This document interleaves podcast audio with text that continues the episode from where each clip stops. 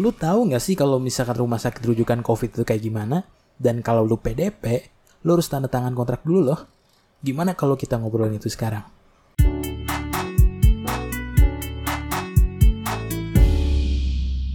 Ya akhirnya podcast kacamata episode 5 setahun loh ini. Gimana ya gue dulu kan uh, bikin podcast ini kan masih kerja gitu kan.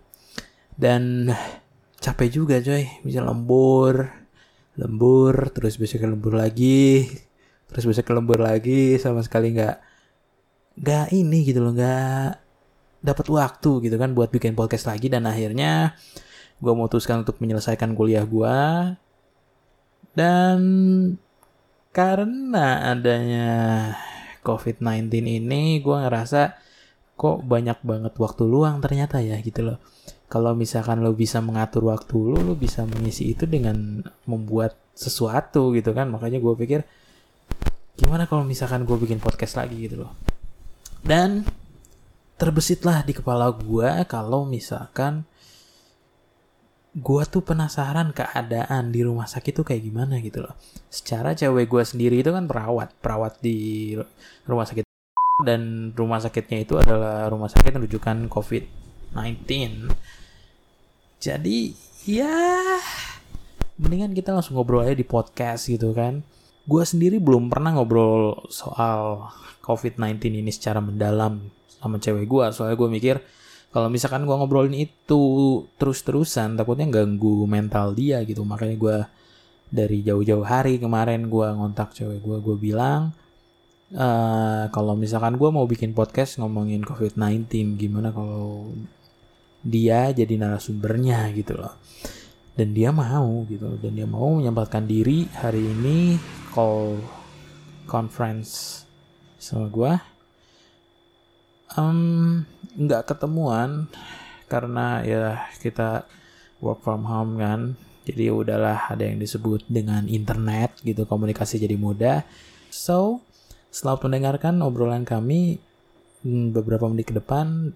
Dan semoga jelas audionya ya.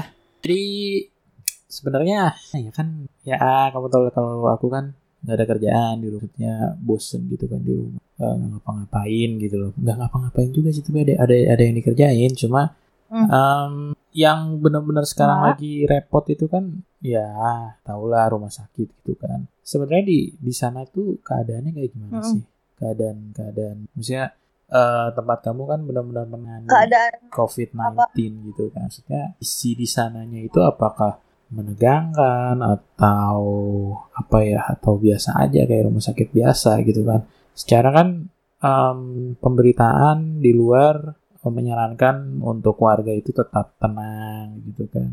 Kalau di sana sendiri gimana? Sih kayak apa ya? Sebenarnya sih kayak biasa aja sih kalau untuk untuk pasien-pasiennya sih kayaknya lebih takut sih ya. Jadi kayak lebih takut ke rumah sakit gitu.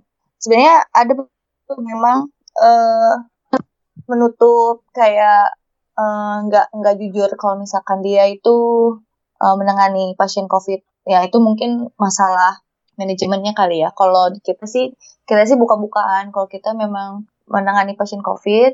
Terus kalau misalkan memang bersedia di sini gitu kan uh, ya udah kita kalau misalkan ada pasien apa namanya COVID datang dengan kondisi jelek ya mau gak mau kan kayak uh, di satu ruangan yang sama kayak gitu sih. Tapi uh, kita sih pasti nganjurin untuk uh, baik pasien atau keluarganya itu pakai masker sih. Udah mulai dianjurin karena kan udah mulai wajib juga setiap rumah sakit kayak gitu. Uh, sama sih uh, ininya mah uh, apa namanya cara masuknya tetap sama cuma mereka jadi kayak lebih takut aja ke rumah sakit yang rujukan covid gitu. Takut tertular lah apalah kayak gitu. Pasti kalau kita setiap nanyain kenapa baru dibawa ke rumah sakit sekarang? Ya saya takut gitu kan. Saya takut karena kan ini rumah sakit rujukan covid gitu. Oh tapi kita masih tetap bisa nerima pasien umum kok gitu pasien non covid maksudnya. Gitu sih. Terus buat uh, kondisi kerjanya kalau kamu ini nggak kayak kayak apa ya kayak kacau udara ada pandemi? Kalau panik mungkin awal-awal ya panik kayak uh, panik itu di saat kan berita itu udah masuk ke Indonesia itu sekitar awal Maret ya. Awal Maret akhir Februari itu udah udah mulai udah masuk tuh katanya ke Indonesia. Jadi Hmm. Kita tuh udah udah kayak briefing juga sih Hmm. sama teman-teman lain sama udah dibikin kayak tim covidnya itu untuk yang kayak dokter sama perawat-perawatnya kayak Hmm. gitu kita udah menyiapkan itu cuma kan kita paniknya itu sama masih belum bisa terima itu karena kan APD waktu itu sama sekali berebutan kan yang sampai pakai jas hujan segala gitu Iya, jadi kayak kita iya. tuh eh kayak bisa nggak ya misalnya kalau aku sih mikirnya bisa nggak ya gue kerja gitu terus gue tuh terlindungi gitu sedangkan kan yang namanya pakai jas hujan gitu kan memang sih dari luar tuh air atau misalkan percikan-percikan itu nggak Iya. akan nempel gitu kan ke Hmm. baju gitu tapi kan tetap kan kitanya juga eh, panas terus kayak aduh udah panas terus misalkan nggak bisa maksudnya itu tuh dikasih kayak cuma sekali kan waktu itu kan baru baru pertama banget Iya. ada baru dikasih satu kali aja jadi satu kali itu satu pakai selama shift gitu. Kan kalau misalkan pagi siang itu ya 8 jam lah ya. Kalau misalkan malam kan bisa 10 sampai 11 jam di rumah sakit. Nah itu kan ya Itu- kebayang gimana rasanya itu sama panasnya. sama sekali nggak istirahat har bukan? Eh, atau gimana? istirahat tetap. Untuk sholat biasanya sih kalau aku sih di kodo ya. Jadi eh, kalau misalnya memang nggak sempet untuk misalkan sholat asar kalau misalkan posisinya lagi dinas sore ya di di kodo sama sama atau enggak ya kalau kelewat dikit atau mau mepet maghrib itu baru sholat kayak gitu tetap istirahat cuma eh APD-nya kita gantung sih biasanya Oh, jadi ada dipakai eh, lagi APD-nya dipakai lagi yang tadi. Mm-mm, karena kan waktu itu masih sekali kan dan itu Mm, kan mm. eh, kebanyakan yang baru datang itu pasien-pasien ODP kan Iya. orang dalam pengawasan jadi masih istilahnya masih bisa ditolerir lah Tapi cuma kalau mis- kan kalau misalnya sekarang udah dapat apa namanya baju Hazmat. khas ya hazmat itu, Hazmat. itu disposal Eh, juga apa tetap kayak tadi dipakai lagi nanti dicuci? hmm, awal-awal tuh yang masih kayak pakai jas hujan itu kan katanya kan itu jangan dibuang gitu kan Hmm. nanti kita cuci disterilin kan di kita kan ada apa sih kayak kayak tempat untuk sterilan khusus kan Iya. nanti disterilin gitu kan. Terus udah gitu iya kan kita mah nurut aja kan sesuai uh, SOP yang ada. Kalau sekarang sih eh udah pakai hazmat sih. Cuma hazmatnya tuh yang enggak hazmat yang kayak untuk memang pasien ke covid. Jadi kan memang ada derajat-derajatnya ada kategorinya. Yang kategori 1 2 3 4 biasanya tuh kita kita eh, hazmatnya yang masih tipis. Jadi kalau dari luar gitu Mm. Eh, tapi kalau untuk air, misalkan air atau percikan itu dia nggak nggak masuk, jadi dia tuh kayak daun kelor gitu loh. Iya, kalau kita, iya. Ah. aku pernah jadi, eh, eh, eh, jadi aku pernah nyobain ini bener nggak sih kayak nggak nembus air gitu kan? Terus aku coba aja kayak emang kayak daun kelor aja gitu dia jadi jalan-jalan gitu. Cuma lambat laun eh, air itu bakal menyerap juga, tapi nggak langsung bers hari eh, saat itu juga eh, langsung masuk ke dalam. Jadi kalau eh, nunggu beberapa lama kalau nggak salah sih 2 sampai 4 jam kalau nggak salah itu baru nyerap. Tapi kan yang namanya air itu sangat jarang ya. Mm. paling dari kita kita buat eh apa kayak kering. Sih ujung-ujungnya tetap ke baju-baju kita karena kan memang dia juga udah kedap dari luar juga gitu. Nggak ada paling eh, tipis banget nggak nggak nggak banyak gede kayak misalnya kita pakai baju biasa jadi ya ya udah kalau baju basah baju keringnya tuh ya udah kita pakai sampai akhir dinas kayak gitu tapi tetap dipakai sekali tapi nanti Be- Eh, besoknya ganti kita- lagi, Mbak. Iya, tetap yang baru. Jadi hari ini misalkan aku pakai yang baru nih, eh, tapi memang protokolnya masih eh, kita jangan dibuang dulu ya. Takutnya nanti eh, terjadi kekrisia ke Kekurangan. hazmat itu kan, karena kan memang hazmat ini lagi cari Mm. sama semua orang, Iya. karena rumah sakit juga punya pasien PDP lah, Mm. gitu. Tetap kita ya biasanya sih aku juga suka dapat eh, baju yang rius. Jadi tapi Mm. sama sama rumah sakit gitu. Jadi eh kayaknya pernah yang rius jadi kayak kayak eh sarung kaki pernah dapat yang rius kayak gitu. Terus eh hazmat. Mm. Kalau hazmat sih eh, yang aku dapat selalu yang baru, tapi kita nggak pernah buang itu karena takutnya kekrisisan hazmat itu ada gitu. Paling yang sering di rius itu kacamata kayak kacamata Google Kalau itu di mah karena kan Iya, itu bisa disterilin juga. Autoclave Karena- kalau dibuang sayang Iya. Hmm, sayang Dan- autoclave juga. mahal juga. Mm-mm.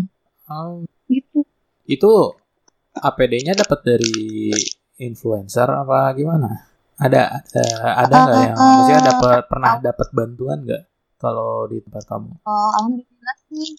Uh, uh, alhamdulillah sih kita selalu ada ya uh, untuk kayak uh, sumbangan-sumbangan ya walaupun gak banyak nggak sampai 100 oh, 100 sih paling uh, 20 50 kayak gitu yang yang modelan itu karena uh, kan pasti di itu lagi tuh dipilih-pilih kan hazmat Hmm. yang covid. Kalau khusus covid kan memang benar-benar aku pernah pakai juga tuh khusus covid tuh memang benar-benar kayak panas banget sih. Dia eh modelannya tuh kayak apa ya? Bahannya tuh keras kayak kain kafan gitu. Tapi eh dari dalam sama dari luar itu bener-bener kayak eh, nggak bisa ya itu yang keringet nggak akan keluar. Terus kayak eh apa ya? Pokoknya luar dalam tuh kalau kalau ada air keluar atau masuk tuh nggak sama sekali nggak bisa masuk itu kan biasanya kalau yang bagus itu kan memang khusus untuk COVID gitu eh sumbangan-sumbangan itu yang yang khusus COVID, ada yang kayak hazmat yang aku bilang itu yang dia ada kategorinya 1 2 3. Nah, itu nanti dipilah-pilah tuh sama eh, gudang. Jadi kayak gudang penyimpanan gitu. eh apa ya namanya ya? Eh gudang penyimpanan barang-barang lah yang kayak misalkan eh distributornya gitu. Jadi kan dia dikasih ke distributor rumah sakit kan. Nanti dari rumah sakit didistributorin tuh ke ruangan-ruangan apa yang kurang. Banyak sih alhamdulillah. Nggak cuma kayak doang sih makanan. Biasanya sih ada kalau misalkan yang ngasih gitu mah. Kalau misalkan eh, baju sih lebih lebih ke nanti manajemennya yang eh, memilah siapa sih yang layak yang dikasih kayak gitu. Kalau misalkan makanan sih biasanya langsung ke tempatnya. Misalkan kalau ke unit ruangan apa biasanya dia tertuju aku pengennya ke sini aja kalau kata Iya. yang Yang apa ngasihnya. ngasihnya misalnya aku Hmm. pengennya ke IGD aja atau aku pengen ke sini aja bisa kalau misalkan Iya. makanan kayak gitu kalau OPD mah masih dipilah-pilah Waktu awal pandemi gitu pernah nggak eh, ada drama gitu yang sampai teriak-teriak gitu? Ah tidak tidak nggak mau. Ada nggak? siapanya akunya eh, atau siapa pun di sana sampai apa namanya islah atau apalah dan ditunjuk jadi apa namanya ru- rumah sakit rujukan gitu. iya kalau misalkan kalau mikir ke eh kalau nang sampai nangis nangis sih? Enggak ya. Kalau ngeliat teman-teman sama aku sendiri sih enggak. Cuma jadi kayak mikir aja sih kayak aduh jadi pusat rumah sakit yang dituju sama gubernurnya langsung kayak eh, jadi beban dan menjadi kebanggaan sih. Karena yang dipilih sama gubernur kan pasti itu rumah sakit yang dipercaya apalagi kan Iya. ha. saat eh, dipilihnya menjadi pusat eh, rujukan COVID rumah ya, sakit COVID-19. saat itu juga kan eh, wali kota lagi dirawat juga Mhm. Oh iya waktu wali kota Riwat kan kamu kamu cerita eh, ke aku kayak- tuh. Kamu kan cerita tuh yang dia malam-malam kan. Waktu eh, Pak Bima dirawat itu kan kamu cerita tuh malam-malam dia Hmm. Ke langsung ke situ Hmm. kan. Nah itu kondisi di sana itu sebenarnya kayak gimana sih maksudnya keadaannya pas kalian tahu eh, Pak Bima positif dan dia dibawa ke sana gitu loh. Mhm.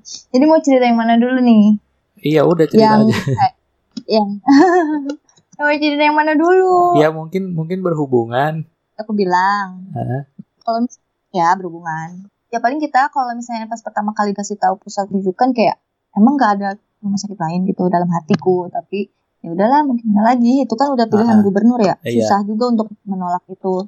Ah, paling kita membuat strategi sih mem- membuat strategi khusus terus membuat eh, jadwal apa ya jadwal kerja juga jadi diubah lagi. Terus eh, kesiagaan kita terhadap APD terus sama pasien-pasiennya. Kalau misalnya kita Hmm. dapat pasien ODP dulu alurnya masih nggak terlalu Itu- baik ya Eh, dulu memang jam operasional juga kayak masih acak-acakan lah kalau untuk eh, pasien-pasien yang mau periksa ODP kan pasien Iya. pasien ODP yang Hmm. misalkan dia baru pulang dari luar negeri terus kayak ngerasa aduh kayaknya gue nggak enak badan deh ya pulang dari Swiss misalkan kayak gitu nah itu kan banget sampai malam hari tuh masih kita layanin tapi karena memang eh, kitanya nggak kerja sendiri spesialis juga yang memang menghandle itu semua terus ada petugas radiologi juga yang eh, foto dada mereka jadi dipertimbangkan kayaknya jam operasionalnya dari jam 8 sampai jam 16 aja gitu. Jadi Iya. kalau misalkan uh, mater-maternya mungkin selesai sampai maghrib gitu kan. Iya. Tapi kan makin awal-awal tuh pasien-pasien tuh kayak datang sedikit terus kayak kita masih oh ya udahlah nggak apa-apa masih sedikit. Terus kayak kita udah mulai kaget tuh di saat uh, udah udah lagi kayak uh, bermunculan terus mereka tuh jadi yang ODP tuh jangan jadi banyak banget jadi kayak misalkan yang datang satu shift itu 25 hmm. orang gitu kan. Iya. Ya bayangin aja lo lo lo nyiapin darah, lo ngambil darah, terus lo nyiapin obat pulang kalau misalkan dia ada keluhan kayak batuk pilek kayak gitu kan pasti kita kasih obat karena kan kalau hmm. covid itu nggak nggak sebenarnya nggak ada obat khusus pasti kan dikasihnya obat simptomatis jadi yeah. simptomatis itu apa yang dirasakan aja kayak misalkan dia batuk pilek atau nggak sakit tenggorokan kayak gitu yeah. kayak mual muntah hmm. gitu kan kayak 25 sampai malam itu kayaknya uh, gempor sendiri gitu walaupun berdua karena kan kita ngambil darah sendiri terus kayak uh, ngerongsen kita koordinasi sama petugas radiologinya. Sedangkan petugas radiologinya juga menangani melayani juga pasien-pasien dari IGD yang yang non covid kayak gitu. Jadi uh, awal-awal kita masih kayak kaget gitu kayak oh ternyata gini ya kalau misalnya ada pasien ODP tapi kan makin ke sini dievaluasi dievaluasi sama tim covid sama iya. koordinasi semuanya. Itu sih udah alhamdulillah sih udah udah uh, biasa ya? jadinya. Udah, kayak, kalau untuk udah kayak kerja biasa berarti. Uh, uh, jadi udah kayak hmm. kerja biasa. Kalau misalkan yang uh, apa namanya wali kota. Iya, waktu kan dia malam-malam tuh ya tiba-tiba. Uh, jadi kayaknya sih malam ya. Iya, kalau iya, malam jam, dia itu tanggal berapa ya? Jam dua atau jam 3 Itu kan dia pulang dari Turki aja tanggal 12. Iya. Kan dia, dia langsung ODP kan gitu. Jam tanggal 12. Iya, pokoknya Maret, mah oh, tanggal sekian lah ya, pokoknya. tanggal sekian. Hmm. Habis itu kan dia ODP terus, tuh. Iya, nah. awalnya sih kan uh, ya dia jadi ODP terus kan di swab gitu di rumah sakit yang lain. Oh, Ternyata kan hasilnya positif. Kalau kayak gitu sih biasanya dianya dijemput dari kita. Oh, berarti ada ambulan datang lewat IGD, ya. lewat lewat tempat kamu Enggak. itu? Enggak. Jadi kalau untuk pasien-pasien yang kan dia misalkan udah dapat ruangan nih di ruangan A, misalkan, dia udah langsung dikirim ke ruangan A itu, nggak lewat IGD kalau misalkan lewat IGD kayak sama aja nggak sih lu nyamar gitu gitu kan kalau iya. misalkan ada pasien covid datang misalkan pasien covid itu dapat ruangan kayak takutnya menyebarkan ke yang lain gitu loh yeah. jadi iya. kayak uh, parasitisme aja kayak gitu kan biar enak mutualisme kan jadi dia dijemput terus diantar langsung ke ruangannya kayak gitu. Jadi nggak hmm. lewat IGD kalau lewat IGD paling cuma untuk registrasinya doang nanti lewat telepon biasanya. Kalau misalkan kecuali kalau pasien datang dari IGD terus ternyata dia PDP nah baru kita yang nganterin ke sana gitu. itu itu kan pas kalo, pas shift kamu kan waktu uh, kalau beliau datang kan iya, shift kamu. malam. nah itu pas shift kamu langsung pada ini nggak? Pada teriak-teriak langsung ah tidak ah tidak enggak sih Enggak. Terus terus gimana eks ekspresi oh, ya kalian udah, gitu. gitu. Oh. Oh ya udah gitu. Masa masa iya sih oh, oh ya udah doang, enggak ada yang Iya, oh emang iya gitu. Iya emang gimana lagi ya? Enggak enggak enggak ada yang sampai Ya gimana lagi Pak? Sampai mukul-mukul meja apa? gitu loh banting Enggak sih, enggak sih. Maksudnya siapa kita-kitanya? Iya. Enggak sih kayaknya. Berarti, enggak. Berarti sampai Enggak karena Hah? Apa?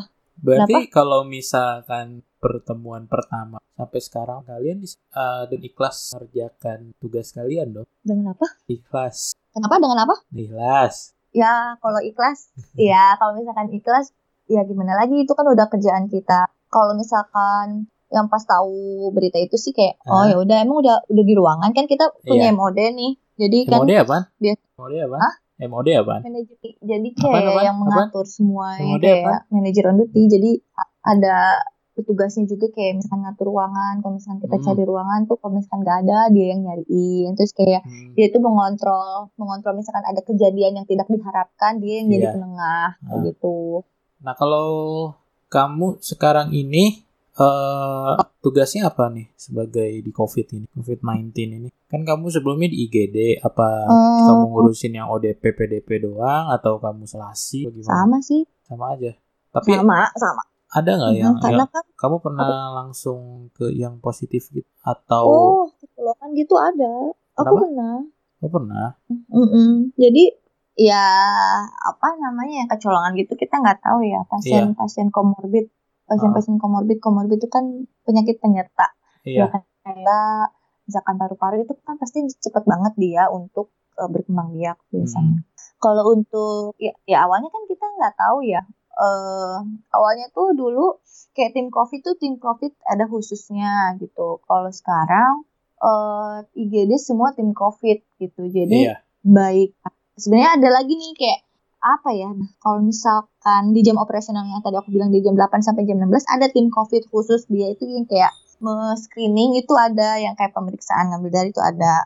Tapi uh, kita juga uh, jadi kalau untuk yang pagi sampai siang itu ada timnya khusus sebenarnya juga ada tapi kan kalau malam jarang ya datang pasien-pasien ODP pasti kita menganjurkan pasiennya untuk datang lagi besoknya karena kan istilahnya percuma dua kali juga di sekarang periksa besok periksa mendingan lebih baik besok secara lengkapnya kayak gitu apa nama uh, sama sih kalau misalkan awalnya kan kayak pasien-pasien umum kan pasien-pasien non covid datang misalnya yeah. kayak udah lansia kayak umur di atas 60 tahun kayak gitu berarti kamu uh, pernah tuh yang kan lewat IGD nih, maksudnya orang-orang kan datang lewat IGD, habis itu kan dia suspek COVID lah dari tempat kamu gitu kan, dan ternyata hmm. dia positif setelah kamu rawat itu, sebelum hmm, sebelum itu hmm, apa? Jadi sebelum apa namanya? Sebelum dia melakukan Sebenarnya tes, kalau dirawat, gitu, uh-uh. sebelum dia dites gitu ke tempat kamu dulu kan, habis itu di ya diberikan perawatan atau apa gitu, dan ternyata habis itunya dia positif gitu pernah? Pernah. Itu kejadiannya bulan apa ya Maret kalau misalnya ya itu juga maksudnya kecolongan jadi kita bilangnya kecolongan karena dari awal biasanya misalkan cuma sakit paru biasa ternyata dua hari kemudian setelah di rongsen tampak pneumonia kalau misalkan pasien corona itu kan gambaran si hmm. rongsen dadanya itu kan pneumonia karena kan iya. kan dia menyerang paru-parunya hebat banget deh dia dia bisa istilahnya bisa menyerang semua paru-parunya makanya bisa menyebabkan gagal kayak gitu pernah. Jadi pas besoknya sih baru tahu kalau misalkan ternyata pasiennya P oh iya masa yang yang sempat aku cerita sama kamu juga. Uh, terus kayak gitu ya berarti kan kelanjutannya di maksudnya dievaluasi lagi siapa lagi yang kontak dengan si bapak tersebut atau ibu tersebut? Misalkan kayak aku teman-teman aku misalkan dokternya terus petugas laboratorium lalalala gitu kan. Semuanya di uh, dari A sampai Z di diperiksa kayak gitu. Maksudnya bukan diperiksa sih kayak diidentifikasi lagi gitu siapa. Kan takutnya uh, kayak gitu kan memang PDP bukan berarti dia bisa jadi positif juga sih eh positif juga sih. Dia bisa jadi negatif kan tergantung masuk ruangan khusus COVID kan pasti nanti dicek rapid dicek swab biasanya nah itu kalau jadi kalau nanti kalau yang masuk ke kalau ya ruang apa namanya ruang isolasi itu yang udah melewati mm -hmm. proses swab test, rapid test. Uh, jadi kalau kalau swab sama rapid test itu biasanya di ruangan karena kan uh, uh, itu maksudnya yang masuk yang masuk ke ruang isolasinya itu yang sudah lewat tahap itu. Kalau misalkan yang belum apa? Jadi yang masuk ke ruang isolasi kan berarti berarti di di tempat kamu hmm. ada ruang isolasinya dong. Jadi kan biasanya buat buat yang positif ada ruang isolasinya hmm. dong, ya kan? Enggak enggak. Jadi jadi gini, kalau misalkan pasien datang kan kita nggak tahu ya kalau pasien non covid itu dia dia benar-benar PDP atau bukan atau udah tahu jadi biasanya eh, sekarang udah digalakan untuk siapa pun yang batuk pilek cek lab lengkap karena cek cek sampai cek labnya itu apa apa aja gitu eh uh, apa namanya trombosit leukosit hematokrit itu hitung jenis biasanya ngelihat ngelihat uh, si bakterinya itu di mana, diletaknya di mana. Terus atau enggak hmm. si jenis si jenis yang menjadi uh, infeksinya itu apa gitu. Terus CRP gitu sama rongsen dada. Itu itu semuanya. Maksudnya uh, cuma batuk nah, pilek semua pun enggak uh, enggak cuma batuk pilek pun dicek tapi itu. enggak semua batuk pilek di rongsen enggak, tapi pasti dicek lab gitu. Karena hmm. untuk kita screening juga takutnya kan yang masuk ke masuk ke IGD terus nggak ketahuan juga kan uh, kita bisa tahu gitu. Uh, tadi kan banyak banget tuh yang dites tuh. Dari yang mana tuh? Tadi kan yang yang dites kan banyak banget, ya kan hemoglobin, uh -huh. leukosit, lain-lain uh -huh. gitu kan. Nah, uh -uh. sampai batas mana di si pasien itu diperlakukan COVID gitu? Maksudnya batas mana gimana tuh? Ya maksudnya uh, yang mana gitu yang yang oke okay, ini kalau misalnya dia ada ini berarti dia sus COVID kalau berarti dia ya udah ini uh, biasa aja gitu loh secara kan itu bukan apa namanya Iya, bukan uji bukan uji spesifik mm -hmm. kan bukan uji untuk covid gitu mm -hmm. kan yang tadi aku bilang kalau misalkan memang si hasil rongsennya mengarah ke labnya misalkan mengarah ke COVID yang uh, biasanya apa sih lah kadar normalnya kalau untuk nah, iya uh, hasil lab yang mengarah sana. hasil lab yang mengarah ke COVID itu yang yang kayak apa gitu? Apa? Hasil hasil yang mengarah ke COVID itu yang kayak apa? Ya, kalau misalkan darah putihnya rendah kan itu berarti kan ada infeksi virus. Kalau misalkan dia tinggi dari batas normalnya berarti dia infeksi bakteri. Nah itu berarti kalau misalkan semua yang diuji dia tadi. Dia misalkan satu. Nah, maksudnya kalau kalau yang tadi diuji itu uh, di luar dari batas normalnya langsung disebut uh, mengarah ke COVID. Uh, nah itu maksudnya yang mengarah ke COVID itu? Ya langsung. Enggak maksudnya yang mengarah ke COVID itu uh, patokannya apa gitu? Cuma cuma sekedar biasa aja, maksudnya kayak patokan tip biasa yang dulu-dulu gitu ya. Misalkan semuanya oh ini uh, di luar batas wajar, berarti udah langsung disuspek COVID gitu loh atau bisa iya, aja nih iya iya kayak gitu atau iya, bisa kayak aja gitu. atau bisa aja yang apa namanya yang uh, semuanya di luar batas normal tetap negatif bisa aja kayak gitu uh, kan kita punya tuh kan tau lah kalau misalkan ngarah ke sini covid nah itu kan yang tadi aku bilang kalau misalkan rongsennya ngarah ke akan ngarah ke arah pneumonia, terus hasil labnya juga mengarah ke arah COVID, ya itu tadi dikonsulin dulu ke dokter. Kita nggak semena dia bilang PDP, enggak. Kita juga harus konsul ke spesialisnya, dokternya, dokter jaganya. Kalau misalnya kata dokter jaga, kalau kata dokter spesialisnya bilang, ini mengarah ke COVID nih, rawat ruang isolasi gitu. Kalau kayak gitu kan berarti mempersiapkan itu semua, baik cara pengirimannya, terus baik kita APD-nya, terus misalkan edukasi sama keluarganya kayak gitu. Ya harus terima kan segala konsekuensi. Nah, itu, itu kalau misalkan uh, kata dokter kalau kata dokter spesialisnya dibilang enggak ini bukan kok bukan karena kok covid ini kayak cuma sakit paru biasa nah itu beda lagi ruangannya beda lagi gitu nah itu um, kalau misalkan ya dia suspek covid nih. Hmm. um, apakah berarti kan itu baru baru PDP dong. Sekarang belum belum hmm. tes ya maksudnya belum tes khususnya kan apa namanya swab test atau rapid test kan atau sama aja sih itu nggak tahu sih maksudnya uh, tadi misalkan yang tadi udah sesuai covid berarti kan enggak masuk beda. masuk Kalau PD kan enggak maksudnya yang tadi uh, enggak tadi kan PDP. dicek semua ya kan berarti PDP kan itu itu hmm. berarti kan belum hmm belum positif dong, ya kan? Nah itu udah belum. udah udah langsung diisolasi atau ya. uh, diberikan hmm. pilihan atau apa namanya uh, di apa namanya? Coba dites dulu gitu, tes dulu positif hmm. apa negatif ada. gitu loh. Ada, jadi selain foto rongsen dada kita juga, jadi kalau misalkan di hasil CT scan-nya itu mengarah ke COVID, nah biasanya dari dari dokter spesialis yang tim COVID-nya itu udah membuatkan besok dia swab gitu, besok dia rapid test gitu, tapi di ruangan. Atau ada pilihan kayak yang kamu boleh self quarantine aja 14 hari di rumah.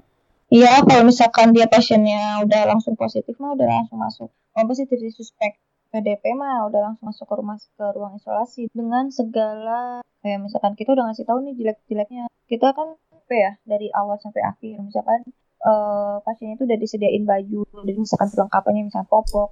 Iya. Terus apalah gitu kan terus sampai hal terburuknya kalau misalkan dia meninggal ya dimasukin di peti dan tidak bisa ditemani sama keluarganya sampai itu ke yang lahat. Berarti waktu PDP, waktu PDP udah langsung obrolin. Mm -mm. Jadi kalau kita masuk ruangan kita harus inform konsen dulu mm -mm. ke ke keluarganya gitu. Itu tanda tangan gitu nggak sih ke Habis keluarganya? ada hitam di atas putih. Oh ada tanda iya. tangan. Oh itu itu padahal eh, baru materai, baru PDP semua yang dapat PDP pasti harus langsung tanda tangan kontrak dan masuk ruang isolasi atau misalkan ada orang yang gue pengen apa namanya self quarantine aja di rumah gitu loh sendirian 14 hari gitu, isolasi mandi itu dibolehin nggak? Ya itu itu yang aku bilang kalau pasiennya stabil kalau pasiennya stabil yang kayak kayaknya bisa nih di rumah gitu tapi kan self quarantine itu dia merasakan di saat self quarantine itu dia merasakan hal yang lebih parah lagi dia bisa ke rumah sakit langsung gitu. Kalau misalkan parah berarti langsung dirawat. Iya betul, betul sekali. Terus kalau misalkan sekarang ini uh, yang jaga di ruang isolasinya itu orangnya itu itu terus apa misalkan kamu dapat bagian juga? Di ruangan sih bisa lagi. Kalau aku kan tahu sih kalau tahuku jaga itu dibagi-bagi juga. Jadi misalkan per tiga nanti per tiga jam lagi bagian kamu. Jadi tuh nanti buat aku istirahat terus nanti kamu istirahat gitu gantian tapi setiap ruangan kan beda-beda ya cara cara bagaimana dia aplusan sama rekannya kalau di aku kalau misalkan pasiennya masih aman-aman aja biasanya dinas malam tuh pasiennya sedikit aja jarang itu misalkan udah Enggak, jam maksudnya satu eh, enggak bukan bukan bukan yang ke tempat kamu tapi yang di ruang isolasinya gitu loh. Perawatan di ruang isolasinya tuh apa aja dan kamu kebagian apa enggak gitu. Kalau misalkan yang dapat bagian di ruang isolasinya, mereka ganti-gantian apa itu terus gitu loh.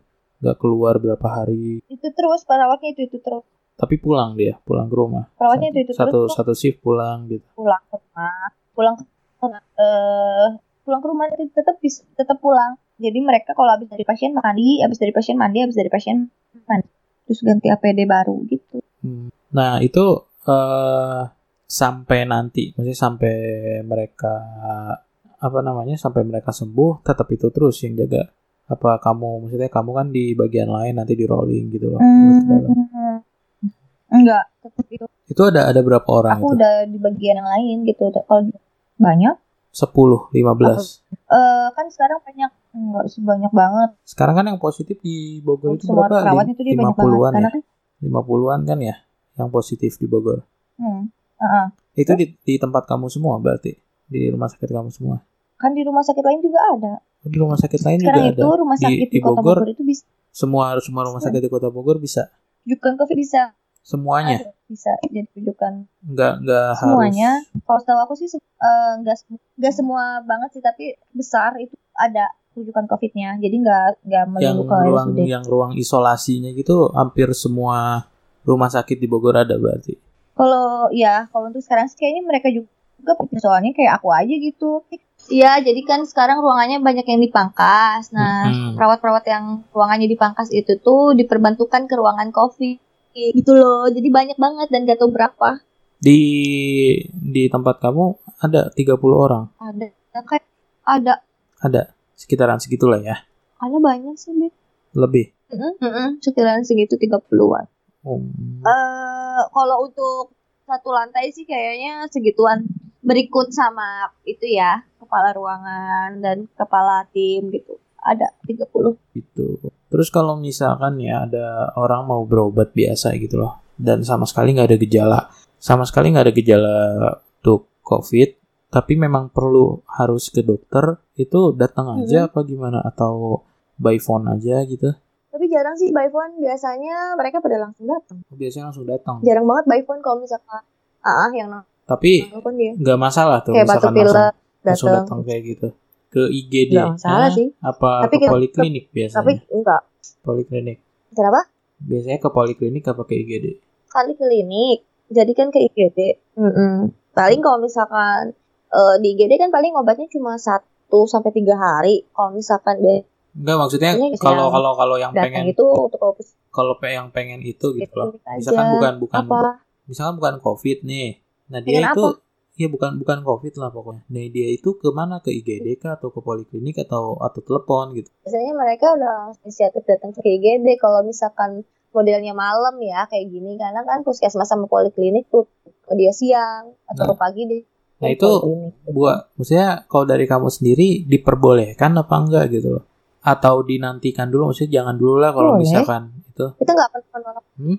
nggak kita nggak pernah menolak pasien sih kita nggak pernah menolak pasien silakan gitu tapi kan nanti diedukasi lagi sama dokternya kalau mau sih halo Iya. ya kalau mau sih eh, lebih baik ke poliklinik aja atau puskesmas biar apa sih namanya covidnya nggak nggak nggak nyebarin ke dia juga gitu. Oh jadi Sama eh, sih. lebih lebih aman ke sana, lebih aman ke Kan poliklinik atau ke Enggak. pus rumah sakit sama-sama dokter umum sih sama untuk untuk diberikan juga untuk covidnya sendiri enggak, gitu untuk enggak untuk ini untuk apa namanya biar apa namanya Apa? karena sekarang kan lagi buat ngindarin pandemi gitu lebih lebih baik ke puskesmas atau ke poliklinik.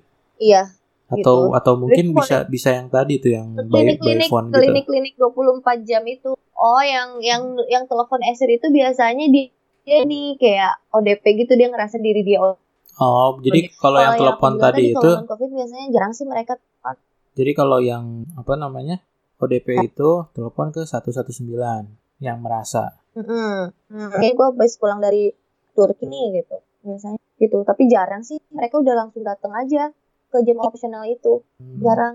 Hitung jari kayaknya kalau lewat yang lewat telepon dibanding yang datang langsung ya. Jam operasionalnya jam 8 sampai jam 16. jam 4 sore ya 4 sore. And that's all. Ujungnya juga nggak enak kan. Ujung dari percakapannya nggak enak. Terus gue juga bingung lagi nyambungin gimana. Soalnya em, pembicaraannya tuh banyak keputus-putusnya. Mungkin, mungkin trafficnya lagi tinggi banget untuk pengguna conference call ini. Jadinya agak lemot. Ya, mau gimana lagi lah. Soalnya kan sekarang semuanya juga stay at home. So, buat teman-teman sekalian, Um, gua harap semuanya tetap sehat dan please stay at home. Kalau lu perlu kerja keluar, pakai APD-nya yang benar, ikuti peraturan pemerintah yang ada, karena itu balik lagi buat keselamatan kalian dan keluarga. Semoga semua hal ini cepat ditarik, maksudnya cepat hilang dari dunia dan kita bisa kembali seperti sedia kala. Mungkin untuk sekarang itu dulu yang kita obrolin. Nanti akan ada podcast kacamata selanjutnya. I hope. Karena gue kayaknya punya banyak waktu untuk membuat ini.